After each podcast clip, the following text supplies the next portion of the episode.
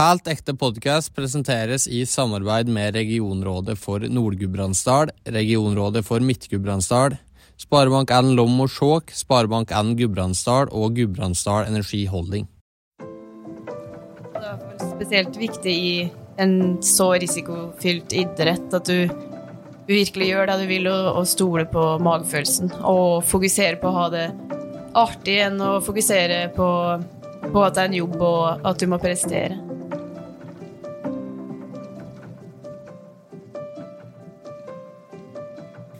Du hører på Helt ekte med inspirerende Gudbrandsdøle. I denne podkasten skal vi prate med gudbrandsdøle som har våga gå egne veier, fulgt sin lidenskap og vært framgangsrike på sine områder. Se oss vil gjesten dele historier, erfaringer og refleksjoner fra egne liv. Og hvilke inspirerende gudbrandsdøl har oss med oss i dag, Synne? Jo, Livia, i dag skal vi prate med Johanne Killi, et skikkelig råskinn. Johanne er freeski-utøver fra Dombås. 25-åringen fikk sine første twintip-ski som 11-åring, og fem år senere, i 2016, deltok hun for første gang i X Games i Aspen, hvor hun tok bronse i slopestyle. Siden den gang har stortalentet vunnet sju X Games-medaljer i 13 konkurranser. I fjor vurderte hun å legge opp, men valgte å satse videre. Det viste seg å være en veldig god avgjørelse, da hun i år har hatt tidenes sesong og vunnet både verdenscupen sammenlagt og NM-gull i slopestyle i Trysil. Johanne, velkommen til Halvtekte. Tusen takk. Og gratulerer med en suveren sesong. Tusen takk. Hvordan har du det? Nei, jeg har det veldig fint. Eh, Endelig litt ferie på meg nå. Um, hatt en veldig hektisk, men òg veldig bra sesong. Eh, men jeg kjenner jeg gleder meg til å reise hjemover, eh, møte familie igjen. Jeg har ikke vært hjemme siden jul, så um, det stunder jeg veldig til. Du vinner jo verdenscupen sammenlagt og avslutter sesongen eh, med NM i slopestyle på Trysil, og du vinner. Er vinnerfrokosten havregrøt med bringebær, peanøttsmør og banan? Ja, spørs det. Den lager jeg omtrent hver dag. Blir aldri lei den. Om det er tidlig morgen, så lager jeg en dagen før, så jeg har kjøleskapsgraut klart til jeg skal opp. Så jeg elsker den. Så spørs om folk må begynne å ete den hvis de keen på bra sesong. er du frokostmenneske? Ja, jeg vil si det. Men jeg er ikke Altså, favorittmåltid må jeg si er middag, men jeg skipper ikke frokosten. Den må jeg ha med meg, for i hvert fall å prestere i baken. Du, hva er det som gir deg energi om dagen? Oh, eh, det som har gitt meg energi det året her, er bare vært at jeg har vært åpen med det jeg har følt omkring eh, motivasjon og slik. Eh, så jeg har fått veldig mye støtte fra familie, venner og, og landslaget, som har gjort det lettere for meg å bare virkelig kan ja, på en måte leve slik jeg vil, og slippe å liksom leve i en fasade, for jeg følte jeg gjorde det på et tidspunkt. så det har bare gjort at jeg har nytt mer det å være på tur og stå på ski. Um, ja, så um, veldig viktig å være åpen om, um slike ting, og det har gjort det mye lettere for meg, og det har gitt meg energi til å bare fokusere på å ha det morsomt, egentlig. Mm, ikke sant. Og jeg skal komme litt nærmere inn på det du er inne på nå litt senere, Johanne. Men eh, litt eh, tilbake til oppveksten din. Eh, som nevnt så kommer du jo fra Dombås. Eh, og Dombås er jo kjent for å fostre opp eh, flere ski- og snowboardtalent. Blant annet Markus Kleveland, som òg har vært gjest hos oss. Kan du si litt om kulturen og skimiljøet på Dombås? Ja, når jeg drev eh, på i ung alder, så var det det var ikke den beste bakken. Det var mye dugnadsarbeid blant foreldre, så de sto på skikkelig for at de skulle kjøre. Og i tillegg så jobbes jo litt sjøl for å sette opp diverse element i bakken. Og så var det å sette opp rør og slik i hagen sjøl, um, for å kjøre mest mulig, fordi bakken var jo ikke oppe så ofte. Så um, ja. Uh, og så var det jo for min del bare gutter som kjørte i parken, så jeg har hengt mye med dem og egentlig gjort meg til den jeg er i dag, at jeg har blitt skikkelig tøff og tør å utfordre meg sjøl, da. Så det var et veldig bra miljø, og nå i dag så er det utrolig mange som er ivrige oppe i bakken, og, og, det er mye bedre park nå, det satses mye mer. Eh, god grunn for eh, at Markus eh, har jo bidratt med det. Han har jo sponsor som dekker kostnadene på det meste i bakken, så han er en kjempeviktig person. å, å ha. Så utrolig bra miljø eh, i bakken nå, og det er kjempekult. Og, og jeg er stolt over å kunne være fra Dombås. Er det ei suksessoppskrift å vokse opp på Dombås? Spørs det. Jeg føler liksom eh, hele, hele Gudbrandsdalen egentlig eh, bare hyggelige folk fra, egentlig. Så mm, ja. Vil jo ikke akkurat klogge på å vokse opp her, egentlig, men eh, jeg tror ikke du må være fra her for å bli, bli skikkelig god. Men eh, nei, det er bare koselig å være hjemme. Alltid mye støtte fra lokalfolket, og nei. Er veldig glad i Dombås. Og dalen.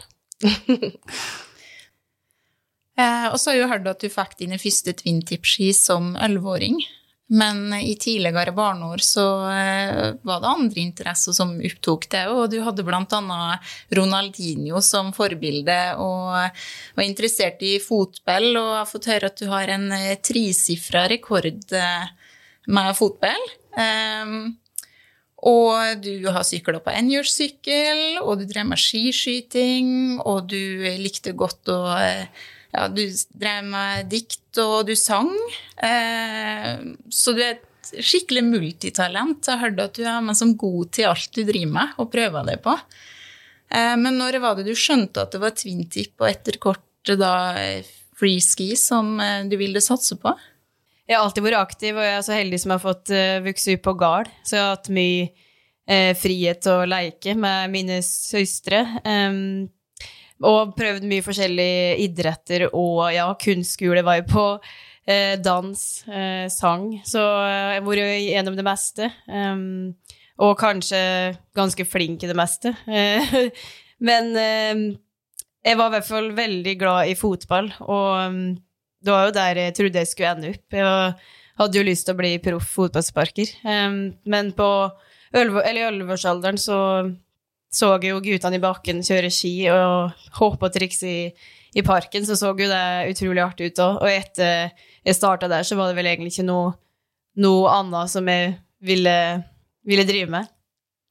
Du var jo ganske god i fotball her, for du var jo med dem som var ja, flere år eldre enn du og spilte, og fikk jo høre at du hadde fotballdrakt som eh, nesten var som en kjol på det, som var over eh, fotballshortsen. Eh, Hvorfor ble det ikke fotball, tenker du? Eh, nei, det er litt vanskelig å si. Eh, og ja, jeg var på lag med søstrene mine, uh, og så er jeg ganske tett i alder, men hun eldste er vel tre år eldre enn meg, og jeg var jo så heldig som fikk spille på lag med dem, og hadde jo kjol, omtrent, nattkjol på meg. Men nei, jeg trivdes jo òg veldig godt i den gjengen og det å kunne spille på lag, men det var noe med den leiken i baken å pushe seg sjøl. Jeg tror jeg fikk liksom pusha meg sjøl på en helt annen måte enn på fotballbanen. Og ja, den mestringsfølelsen du får liksom ved å lande et nytt triks, f.eks., er jo ganske unik. Så jeg tror det var det som gjorde at jeg bytta over etter hvert. Du er jo beskrevet som ei familieskjær jente og har vokst opp i en aktiv familie, har skjønt. Eh, vil du fortelle litt mer om oppveksten din? Ja. Um, altså, jeg er jo vant til fra tidlig alder å være med på langrenn og slik med hele familien. Og hele familien sto òg på brett uh, når jeg var seks år, tror jeg jeg starta med det.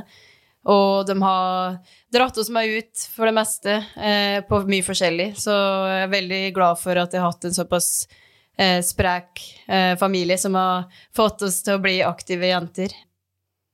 Når jeg sier hjemme, Johanne, hva tenker du på da? Når du sier heime, da tenker jeg på huset mitt, tror jeg. Eller garn. Sjølve garn. Eh, for det er så stille og fredfullt å være der. Eh, og der har jeg liksom veldig close uh, gangavstand til uh, de nærmeste besteforeldrene mine. Og så er det jo bare en fem minutts kjøretur til de andre besteforeldrene mine. Så, og så er det veldig uh, sammensveisa, skulle du si. Eh, så når du sier hjemme, så tenker jeg bare på å være med familien min. Dombås er hjemme, ikke Oslo, der du har leilighet. Ja, jeg syns det er litt rart, for jeg sier jo at jeg skal hjem når jeg skal til Oslo, men det føles litt feil ut. Heim for meg er jo Dombås, ja. Mm. Så koselig. Hadde du noen forbilder i oppveksten din, foruten Ronaldinho?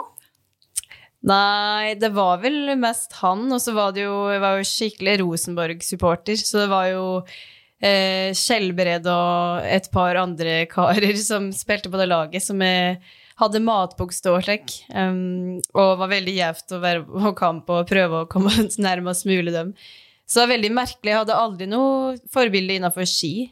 Um, så jeg, det veit ikke hvorfor, men uh, litt rart, egentlig. Mm. Du flytter jo fra hjemme som 15-åring. Kan det der påvirka deg?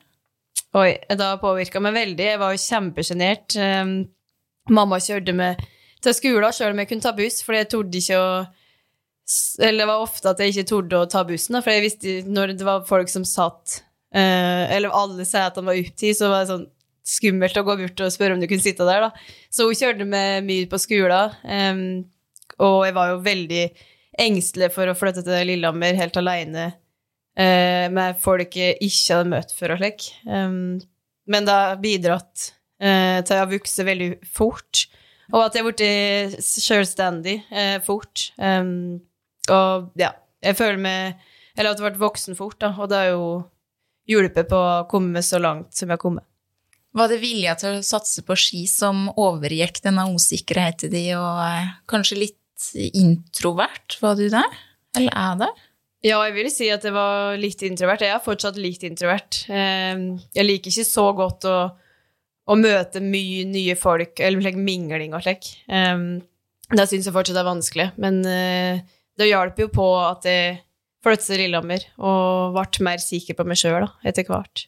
Men det var vilja til å satse på ski som gjorde at du overgikk det sjøl?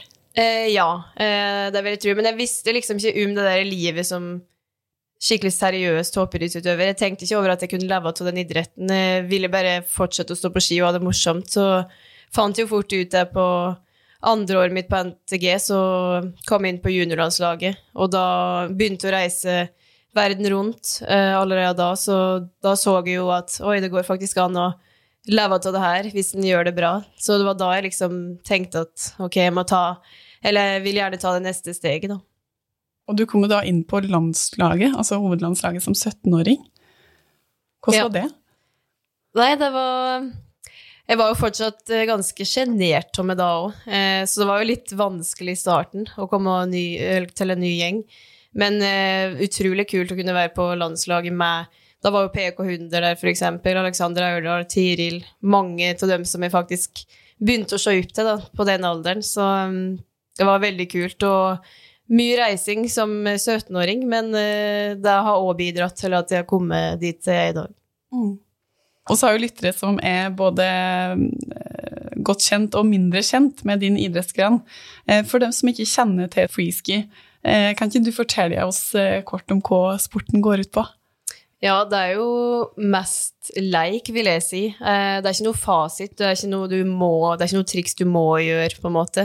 Du kan jo kjøre din egen greie, og folk har jo helt forskjellige stiler og, og lærer seg helt forskjellige triks. Så jeg syns det er veldig kult at det er liksom ikke sånn som i langrenn, eksempel, førstemann til målstreken. At det blir litt for enkelt, eller litt for lite leik, eh, sånn som det er i vår idrett, da. Så, så blir det jo mer og mer seriøst eh, når en begynner å konkurrere i verdenscupen og slik, men eh, hvis du fortsatt klarer å ha med den leiken, så kan du komme langt, og da er det fortsatt veldig artig å drive med det. Hvilke triks er du mest fornøyd med å lande av? Det må være eh, Switch double cork eh, 1440, som jeg landa for første gang i OL i Kina i 2022. Hvis du kan forklare oss hvordan det trikset, kan du gjøre det? Ja, jeg skal prøve. Um, kjem, eh, kjører baklengs ned mot hoppet, så ryggen kjører liksom nedover, og ser over eh, venstre skulder. Og så Ja. Så blir det fire rotasjoner. Eh, for én rotasjon er 360, og så blir det 360 ganger 4. eh, mens jeg flipper to ganger, da. To saltoer. Det var en veldig tungvint eh, måte å si Nei, det det på, var men bra eh, det blir jo basically det.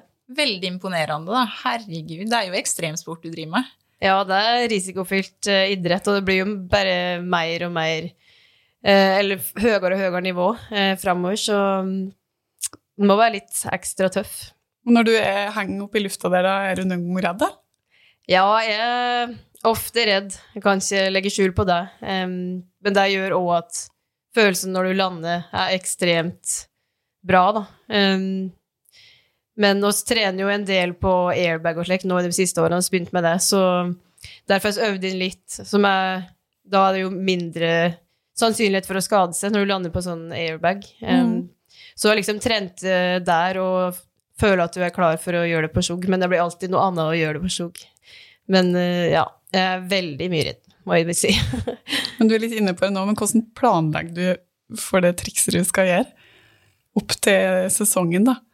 Ja, eh, det er ofte en tanke om at du har lyst til å lære et spesielt triks. Eh, og så er det jo lurt å kanskje prøve utgangen sånn på trampoline. Eh, og så bruker vi veldig mye visualisering, så ser for oss at vi gjør trikset. Både fra indre perspektiv, at du ser Eller at du føler at du gjør det mens at du er i lufta, liksom. At du ser det, gjør det. Og så kan du òg se eh, det sjøl fra utsida, at du står f.eks. på kuren og ser det sjøl eh, gjør det trikset. Så da føler du på en måte at du har gjort det, og at eh, du får mer da trua på at du kan lande nå når du først skal gjøre det. Hva jobber du framover mot nå? Er det liksom nå har du gjort en kjempebra sesong, er det nå vil jeg ta det trikset som det neste?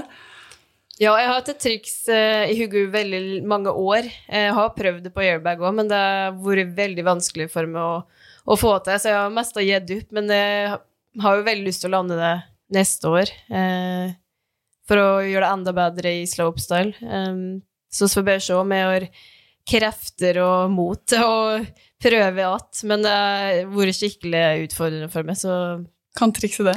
det er, da kjører jeg framover mot hoppet, og så er det tre og en halv runde eh, pluss to saltoer, så det heter double cork 1260. Heftige greier. Heftig. Eh, du prata litt om det i stad, at i oppveksten din så har du eh, hengt mye på gutta, og du, du har jo trent med, med dem. Eh, hvor mye har det å si at, at du kan bli pusha av en da? Nei, det har vært veldig viktig for meg i oppveksten. Um, men jeg merker at jo eldre en blir, jo mer blir det mer sånn delt ut, på en måte. Um, Hva tenker du om det? Jeg syns jo det er veldig dumt. Jeg trodde egentlig at det skulle bli, være motsatt. At guttene var for kule for det når du var ung, men at uh, det blir mer sånn vanlig å henge med jenter i eldre alder, da. Det er litt sånn splittelse. Uh, det er jo synd. Um, men det virker som at det er sånn som er naturlig. Det virker sånn på alle lag. Men jeg er veldig glad for at vi har eh, konkurranser på samme sted på samme tid, og at vi har et lag som består av både jenter og gutter. For det er jo forskjell på både langrenn og, og alpint. De har jo litt sånn splitta og reise på helt forskjellige plasser og slik, så jeg er veldig glad for at vi kan eh, være med guttene på de turene. Og i tillegg så har vi jo konkurranse på samme plass som snowboard, så jeg får jo møtt eh, mange av dem gjennom sesongen nå. Du hører på Helt ekte, og dette er Ti kjappe.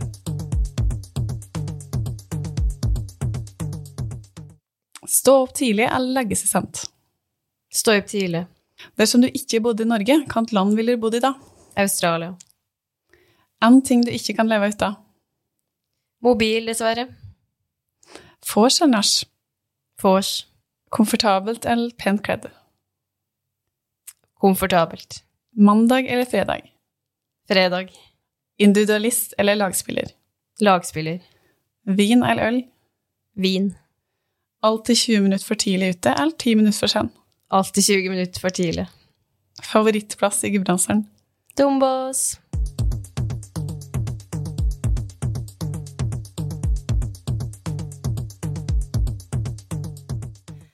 Når du gikk inn i av sesongen, så var det ikke gjedd at du skulle satse et år til, for du var jo prega med mye skader, eh, og i tillegg så kom koronaen.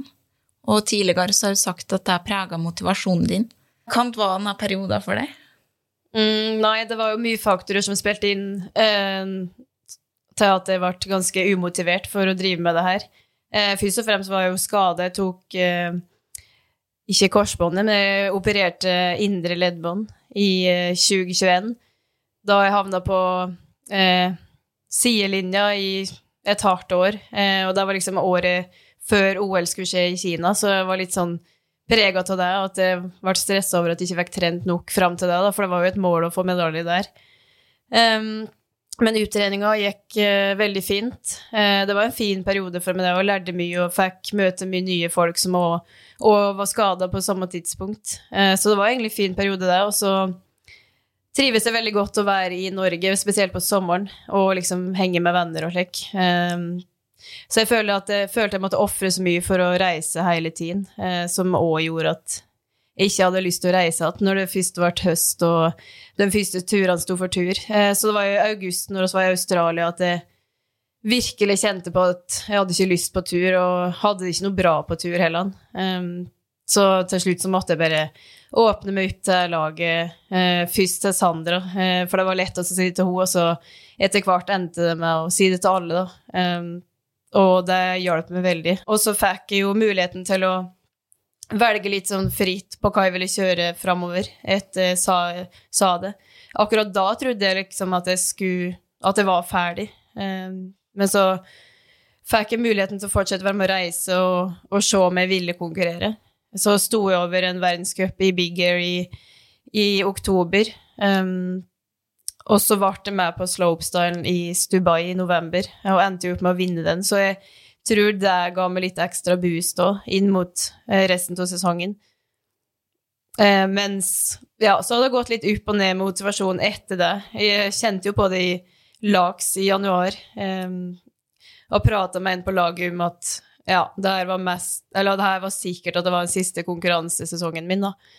Men nå sitter jeg her med en helt annen følelse igjen, for jeg har hatt det veldig bra i år. Både konkurransemessig og trivsel med gjengen og med livet, egentlig. Så eh, jeg tror det lå mot en ny sesong i konkurransesirkuset.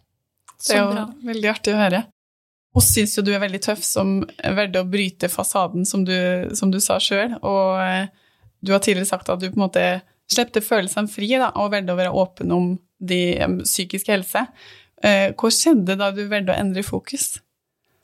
Nei, det gjorde det lettere for meg i baken og slik hvis jeg faktisk ikke hadde det så bra, eller altså hvis jeg ikke hadde noe artig i baken, så satte jeg meg inn på kafeen, og da visste liksom folk at ok, det er jo derfor. Eh, mens før så var det sånn jeg måtte kjøre hele doggene i baken og bare late som at jeg hadde det artig. Um, så det gjorde det mye lettere for meg å liksom kunne være litt ekte, da, og, og heller kjøre når jeg ville, på en måte.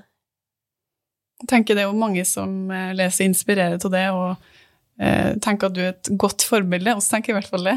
Eh, hvor bevisst er du på det? Nei, ganske bevisst. I hvert fall nå etter jeg var på NM, så ser jeg at det er utrolig mange norske både gutter og jenter som syns det er stas at vi er der, og at vi virkelig er forbilder, da. Så jeg prøver å være et sunt og godt forbilde, og håper jo at jeg er det òg. Eh, så det er veldig viktig for meg å, å gå fram som et godt forbilde. Hva er det å være et godt forbilde? Jeg vil si at, uh, at den er åpen og ærlig og, og, vil det beste for alle, egentlig. Og ja Lev på en sunn måte. Og uh, er ivrig og vil at de som kommer etter oss i neste generasjon på ski, uh, skal lykkes, da, at du bidrar til, å, til at de kan gå samme vei som det på en bra måte. Mm.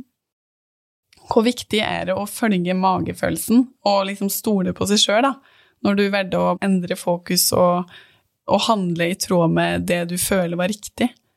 Nei, det er jo veldig viktig, uh, og det tror jeg de fleste kjenner på i livet, at du må bare gjøre det du vil sjøl, hvis ikke så blir det jo ikke noe bra, på en måte. Og det er i hvert fall spesielt viktig i en så risikofylt idrett at du virkelig gjør det du vil, og, og stole på magefølelsen. Og fokusere på å ha det artig enn å fokusere på, på, at det er en jobb, og at du må prestere. Mm. Eh, hvor viktig er det med godt støtteapparat rundt det? Du har jo Olympiatoppen eh, som bidrag der. Utrolig viktig. Jeg har brukt uh, mye mentaltrener fra der. Um, så det var hun jeg starta med å fortelle om, for hun kan jeg jo liksom prate med om alt. Eh, så det gjorde det veldig lett for meg å kunne si det til de andre etterpå. Og så trener jo der og får mye oppfølging hvis jeg vil på styrkebiten, og under skadeperioder så var de veldig flinke til å hjelpe meg mot å stå på ski igjen. Eh, og så har jeg jo landslaget som er veldig lite, men uh, utrolig flinke. Det er jo Kristoffer uh, Sjakk i uh, sportssjefen-rolla og Herman Orheim som trener. Uh, og så utrolig heldige som har dem, for de jobber mer enn 100% Det er kanskje vanskelig å tidfeste når du bestemte deg for å ta et år til. Var det i Australia? Å ja, nei. Nei, i Australia, da var jeg på nippet på sluttet. Ja. Det var i august. første samlinga vår. Men egentlig nå etter jeg vant verdenscupen sammenlagt, så bare Nei, jeg har trivdes så godt det året her, og jeg er jo på topp, så hvorfor skal jeg ikke ta et nytt år, på en måte? Men det er et veldig vanskelig valg å ta. Eh, føles at en litt er en sånn identitetskrise. Han veit jo ikke hva han skal seinere etter den eh, idrettskarrieren heller, så det er ingenting som stresser meg til å slutte heller. Men uh, jeg føler kanskje at jeg finner ut en dag at nå er det nok, på en måte. At jeg, jeg håper det føles naturlig ut en dag. Mm. Mm. Eh, hvordan har det, den reisa siste året utvikla deg som person og idrettsutøver?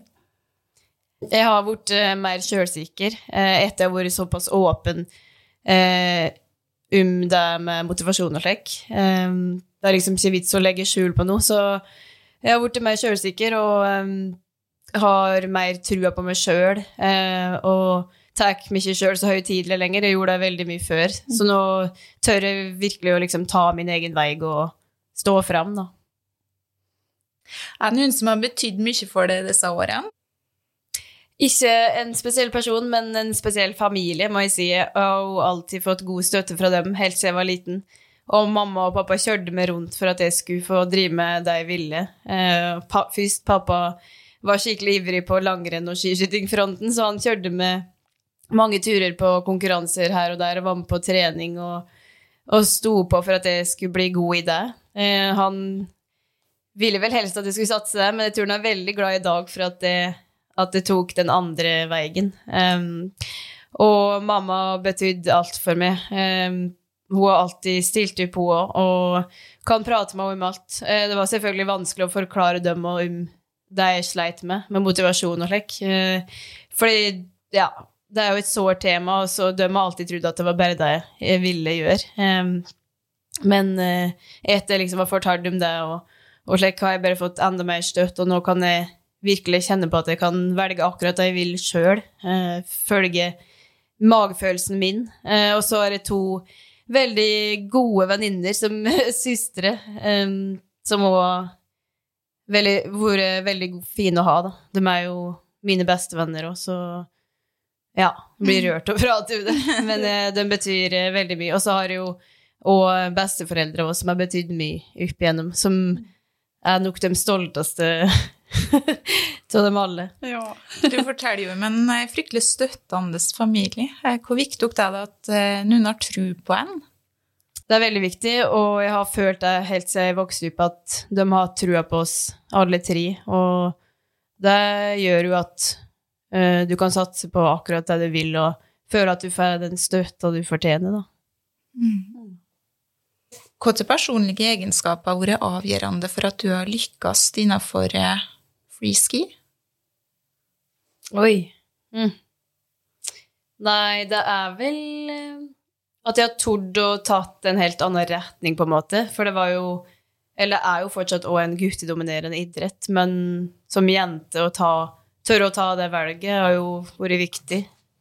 Og det å ha trua på seg sjøl, det er veldig viktig i den idretten her. For eh, hvis du kjører mot håp og tenker at nei, nei, det går ikke, så kommer du ikke langt.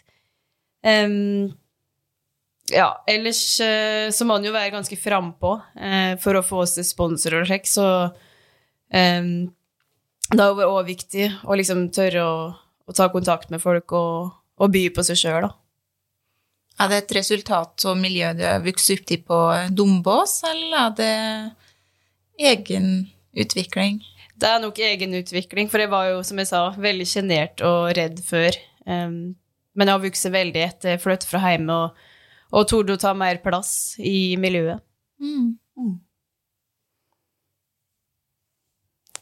Hva er det som driver det, Johanne? Det som driver med, er egentlig mest, i hvert fall de siste årene, har vært trivsel. At uh, det er veldig viktig å trives med det en gjør.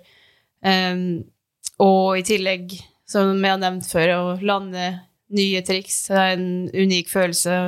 Godt å kjenne på mestringsfølelsen. Eh, og at når du står der og er livredd, at du faktisk lander et helt nytt triks, er en veldig spesiell følelse. Og det å kunne reise verden rundt og oppleve nye plasser er jo eh, veldig kult å få oppleve. Har du konkurranseinstinkt? Ja, det har jeg. Em, men det er ikke noe like, sjukt konkurranseinstinkt. Jeg hører jo folk som blir dritsinte hvis de taper i kortspill og slik. Det bryr de meg ikke så mye. Men når det står om Ja, eller når det er liksom verdenscupkonkurranse, så blir jeg ganske sur om jeg ikke får det til liksom jeg vil, for jeg føler liksom at jeg er god nok for å komme opp på pallen, og hvis jeg ikke da klarer det, så blir jeg skikkelig skuffa over meg sjøl, men det går veldig fort over, da. Så jeg er ikke noe langsint eller langleime, på en måte. Men eh, det, han må absolutt ha det i den sporten her for å, for å ville Eller for å ende opp på pallen. At Du må jo ville skikkelig for at det skal gå. Mm. Når det ikke går, da, hva gjør du? Du sier at du ikke er så langsint, men hva, har du noen sånne teknikker for å liksom snu fokuset? Det, først så må jeg jo være litt med meg sjøl og prate med ja, eksempel treneren min eller, eller sportssjefen. Eh, for de står ofte på start at når vi kommer att fra, fra konkurranser. Um, og så må jeg gå litt for meg sjøl og bare tenke litt, for eh, ja, da setter jeg meg ned med både lagfolk eh, og eh, andre konkurrenter, for det er et veldig unikt miljø, så vi er jo venner alle sammen. Så, så lenge liksom da jeg får tatt litt tid med meg sjøl og, og tenkt litt, så er det helt samme vibe når jeg er tilbake med de andre. Så fint.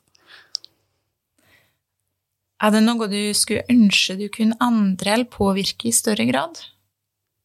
Ja, jeg kunne jo ønske at eh, oss freeski-utøverne fikk mer mediatid, for eksempel. Eh, I tillegg til sponsorer på landslaget, og så har én sponsor. Eh, og det virker som at det er utrolig vanskelig å finne nye, men det er jo fordi at vi ikke har fått så mye mediatid, og folk vet ikke om oss.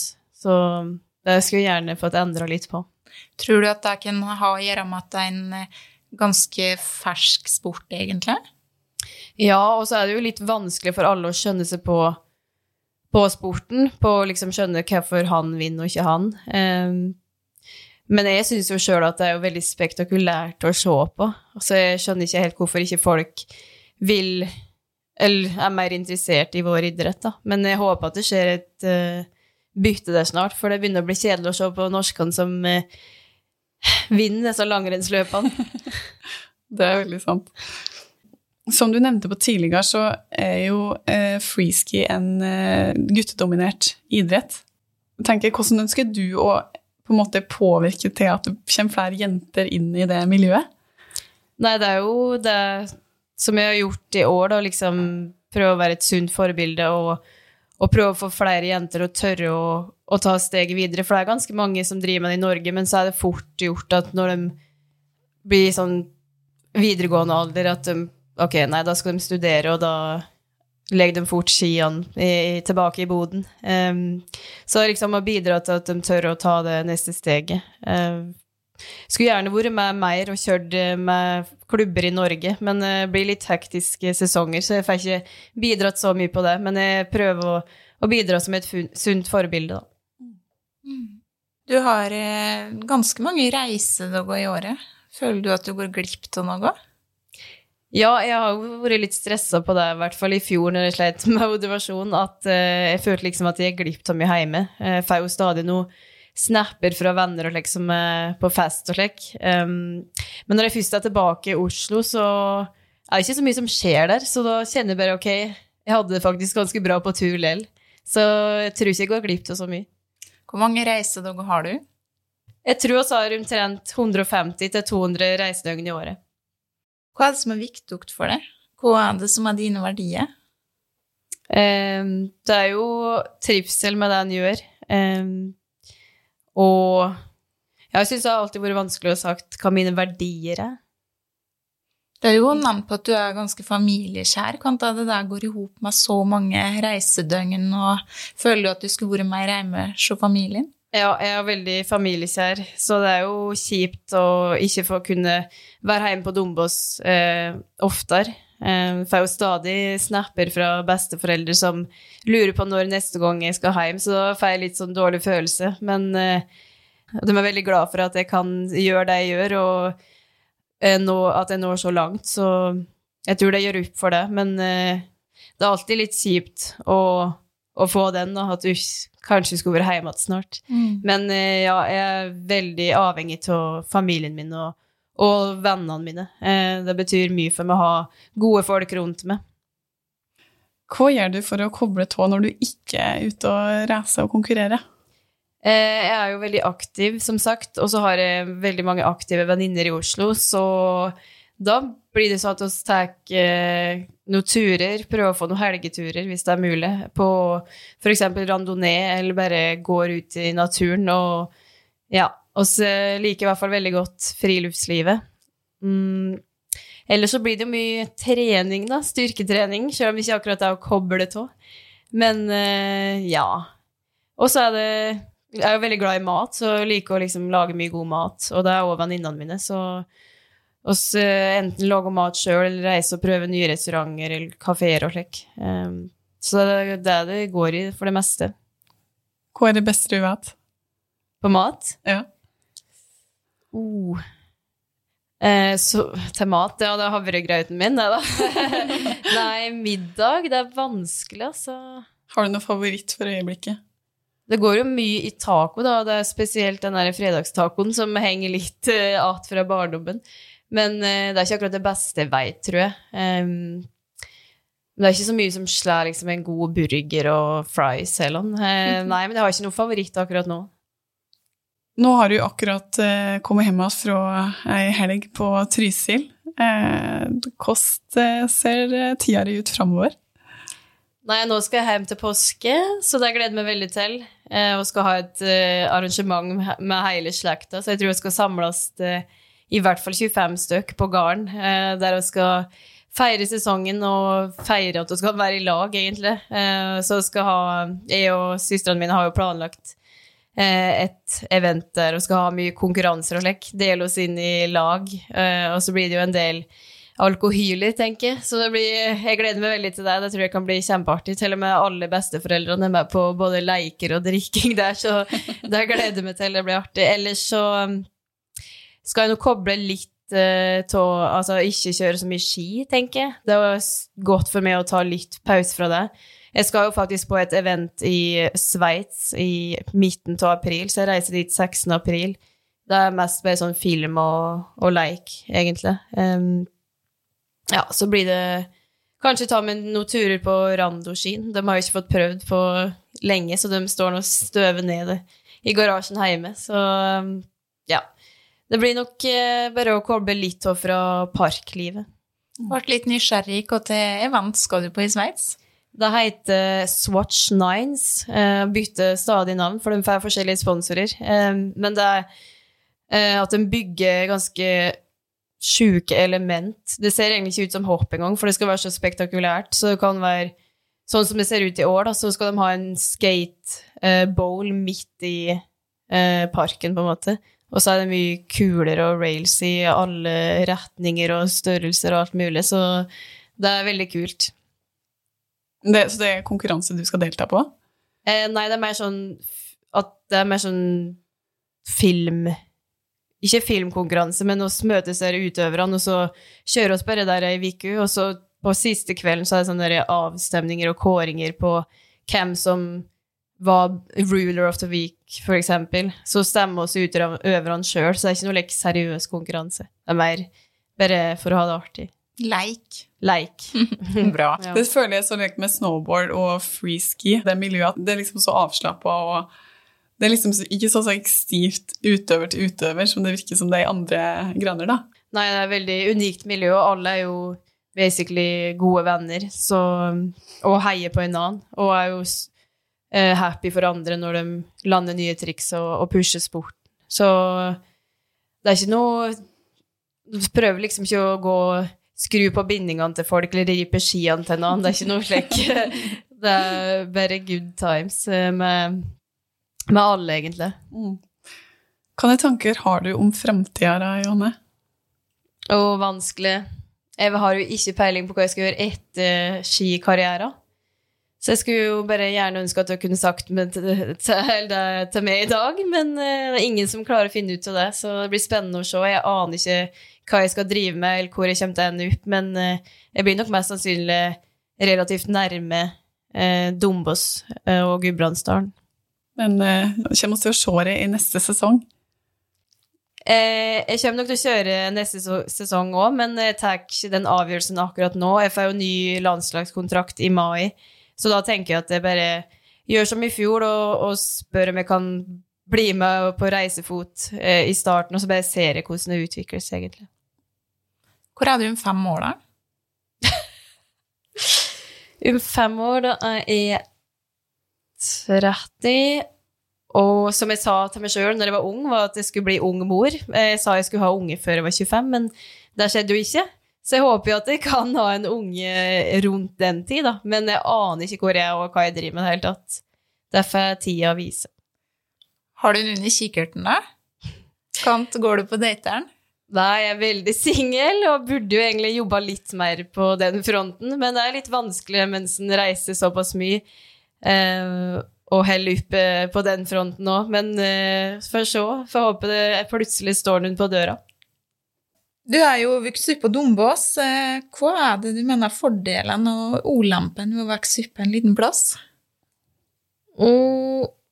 Nei, fordelen er vel at uh, oss bor såpass få der at uh, omtrent alle kjenner alle, så det er jo egentlig bare koselig å, å være hjemme og, og, møte på folk igjen, for det blir mer som en, nesten som en stor familie, på en måte.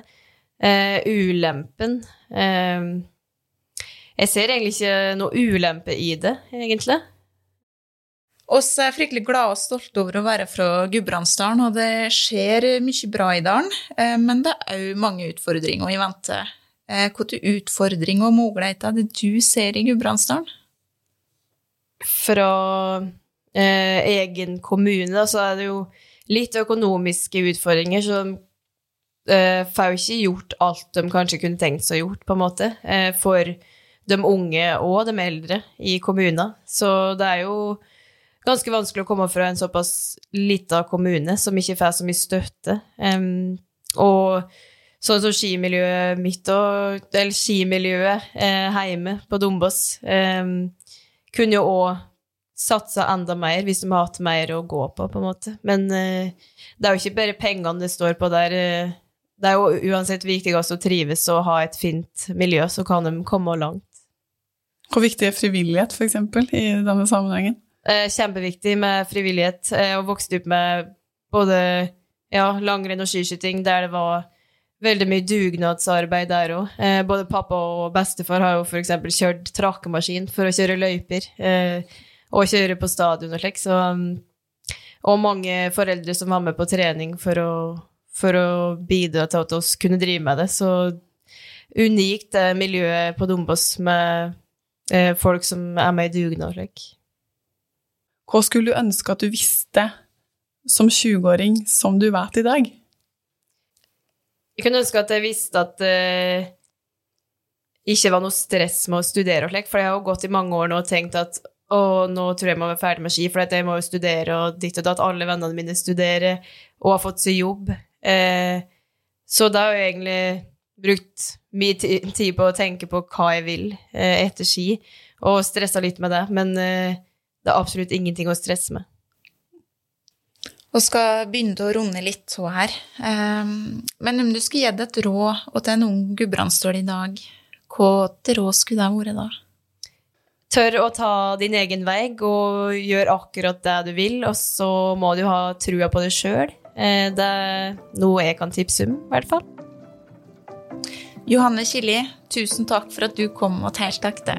Tusen takk for at jeg fikk komme. Jeg heter Synne Rønn Sætre. Og jeg heter Livia Sauter, og du har hørt på Helt akte med inspirerende gudbrandsdøle. Podkasten ble spilt inn på Innovasjonssenteret i Ringbu. Teknisk produsent var Arne Mathias Myhren. Musikken er komponert av Scarworks. Prosjektleder i Heltekte er Sivert Rønn Sætre.